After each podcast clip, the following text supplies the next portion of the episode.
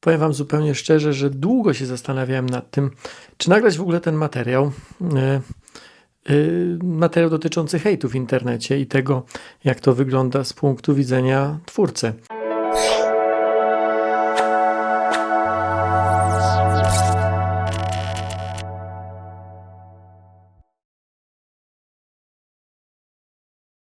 Sporo, sporo rozmów i z mm, osobami, który, które ten hejt dotyka, jak i z tymi, dla których to jest trochę abstrakcja, które mówią, no przecież po co ty te komentarze czytasz?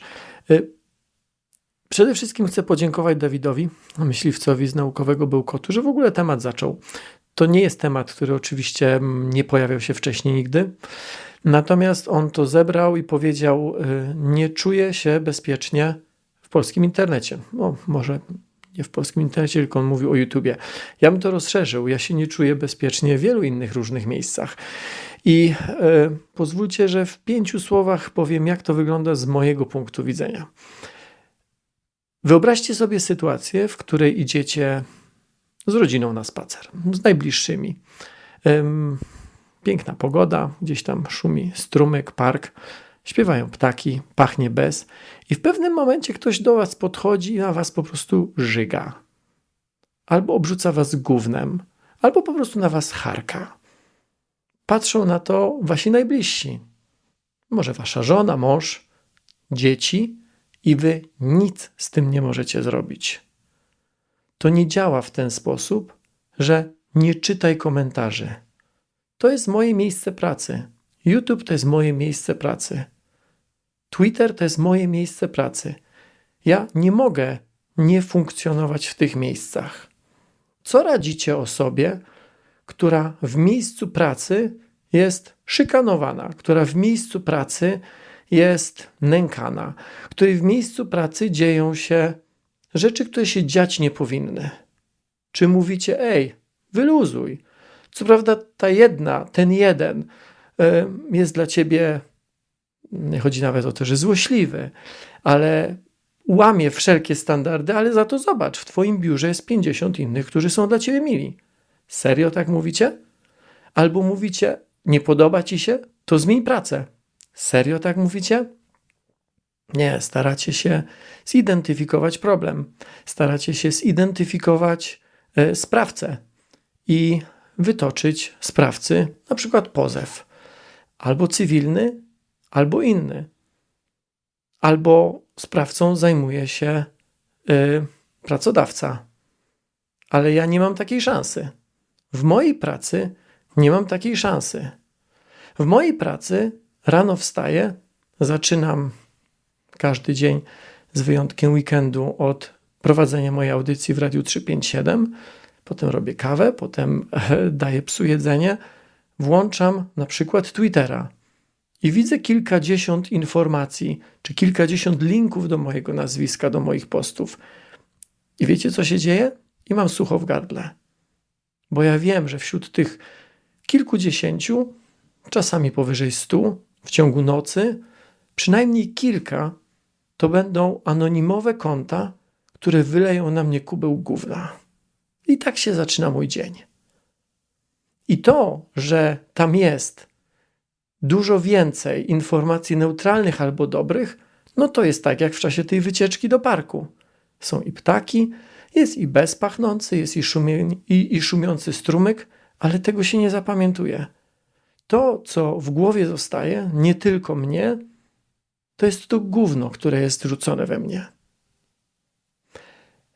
W życiu, czy w tym świecie realnym, paradoksalnie jest prościej.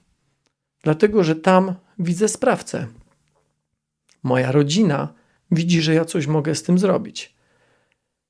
Ja mogę, nie wiem, wezwać policję, mogę go uderzyć, jeżeli, jeżeli, to, jeżeli to miałoby ochronić mnie i moich bliskich. Tutaj nie mogę. Tutaj on się ze mnie śmieje. A naj, moi najbliżsi, ludzie, których szanuję, ludzie, których kocham, na to patrzą. I widzą także mnie Mam nadzieję, że nie jakoś bardzo, ale widzą także mnie przez pryzmat kogoś, kto nic nie może zrobić, kto musi patrzeć na to i udawać, że pada deszcz. a tymczasem ktoś na mnie codziennie harka. Nic z tym nie mogę zrobić. Jeżeli myślicie, że to jest taka neutralna sytuacja, że to tak spływa, że można obok tego tak po prostu przechodzić, to się mylicie. I to bardzo się mylicie. To tak nie działa. Niestety. Chciałbym, żeby to tak działało, ale nie działa. Czy mogę nie czytać komentarzy? Tak, mogę nie czytać komentarzy. Ale to mniej więcej tak, jak gdyby kucharz nie pytał swoich albo nie słuchał swoich klientów, czym mu smakują. W moim zawodzie, w tym co robię, muszę czytać komentarze, bo to jest część mojej pracy. Jasne, mogę zawsze zmienić zawód, mogę nie tworzyć. Tylko czy to jest rozwiązanie? Moim zdaniem nie. I wracam do tego, o czym powiedziałem wcześniej. Czy osobie, która, która jest nękana w pracy, radzicie, żeby zmieniła pracę? Czy zastanawiacie się, co zrobić, żeby ten nękający przestał to robić? To, jak wyglądam, to kim jestem, to podważanie na przykład mojego doktoratu, e, śmianie się z tego, że musiałem obciąć włosy w którymś momencie, to czytają też moje dzieci, to czytają moi najbliżsi. I ja nic z tym nie mogę zrobić. Być może dla niektórych z Was to jest śmieszne. Być może dla niektórych z Was to jest nic takiego. Ale jak byście się czuli, gdybyście któregoś ranka zobaczyli przerobione zdjęcie, w którym ktoś sika na portret twórcy? Po prostu. Po prostu sika na portret na twarz. To nie jest wymyślona sytuacja. Jak byście zareagowali na sytuację? Co byście pomyśleli? Jaki byście mieli dzień, gdybyście któregoś dnia rano odkryli taką, e, taką, nie wiem, sondę, chociażby na Twitterze, e, czy pan Rożek jest e, niemytym chujem, czy tylko sprzedajną kurwą?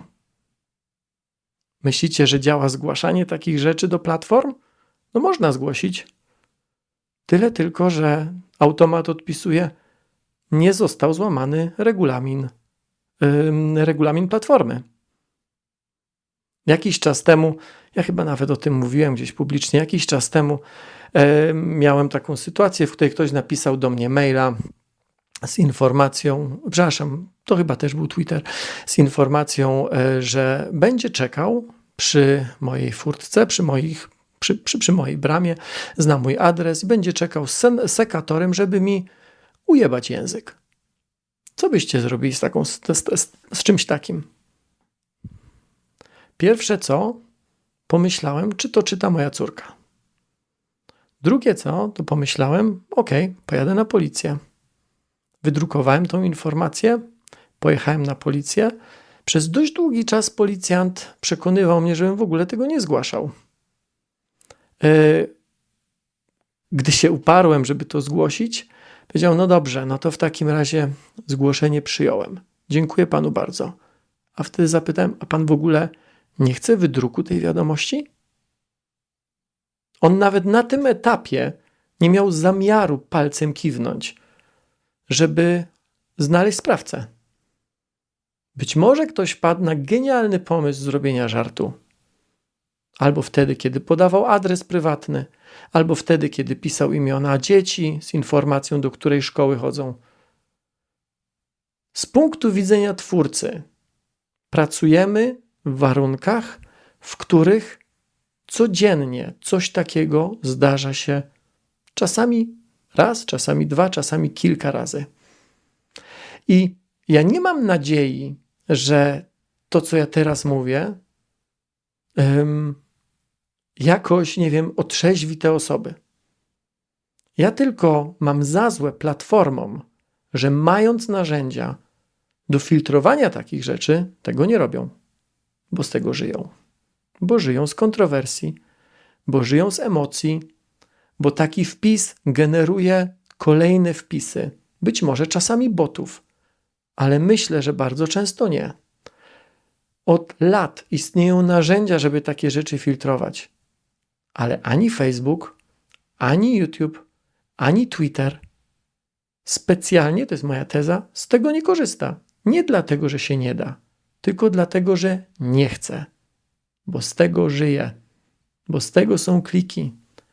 I gdy Dawid Myśliwiec mówi, nie czuję się bezpiecznie na YouTubie, choć jest to moje miejsce pracy, to ja go rozumiem. Bo ja też nie czuję się bezpiecznie w tych miejscach. I nie uważam, że alternatywą jest przestanie tworzyć. No nie uważam tak. Uważam, że jest ogromna wartość w tym, że jest grupa ludzi, nie aż tak duża, która tworzy treści jakościowe, która tworzy treści rozwojowe, która tworzy treści inspirujące także dla młodych ludzi, która wspiera system edukacji. Tak po prostu uważam. I myślę sobie, że jeżeli jedynym, jedyną radą na tą sytuację jest to, żeby poradzić takiej osobie nękanej, zmień pracę, to myślę sobie, że tak naprawdę to jest akceptacja patologii. No tak uważam. Mogę oczywiście w niektórych miejscach wyłączyć komentarze. Dawid też o tym mówił. Tyle tylko, że YouTube tak bardzo z tych komentarzy żyje, że jak się wyłączy y, komentarze, to spadają zasięgi. A zasięgi są dość istotne i tu nie chodzi o to, żeby wykręcać jak najwyższe numery. E, w nauka to lubi, nigdy nam na tym nie zależało. Chodzi o to, że trzeba utrzymać ludzi, e, a wraz z zasięgami, czy zasięgi oznaczają jakiś rodzaj, przynajmniej niewielki, ale zwrotu z inwestycji, którą każdy z większych twórców poczynił. Inwestycji w ludzi, researcherów, tych, którzy sprawdzają, fact-checkerów, ci, którzy czasami wiele godzin, naprawdę wiele godzin spędzają nad tym, żeby stworzyć jakiś materiał. Materiał, który później dajemy za darmo, bo uważamy, ok, powiem za siebie, bo uważam, że tak trzeba, bo uważam, że na tym polega moja misja, bo uważam, że to jest ważne, prorozwojowe, nie tylko dla jednostki, ale także dla całej społeczności. No tak uważam. Jeżeli ktoś mi radzi, ej, weź odpuść, to chyba nie rozumie tego, z czym zderza się bardzo często twórca i jak bardzo tego typu wpisy, ale także wiadomości prywatne wpływają na to, jak siebie postrzega, jak być może postrzegają go jego najbliżsi. Nie mam specjalnie nadziei, że to, co teraz mówię, cokolwiek zmieni, ale czasami tak bywa, że mówi się coś raczej dla wsparcia. Mówi się coś czasami dla po to, żeby też samemu się poczuć choć trochę lżej. No i w zasadzie po to to nagrywam. Chcę, żebyście wiedzieli, że to nie działa w ten sposób. Że jak nie przeczytam komentarza, to go nie będzie, że jak wyłączę komentarze, to ich nie będzie, tak, tego poczucia, bo jak wyłączę komentarze, to za chwilę nie będę miał mm, za co utrzymać ludzi, którzy w nauka to lubię, wspierają tworzenie jakościowych treści. No i w zasadzie tyle. Dzięki za uwagę.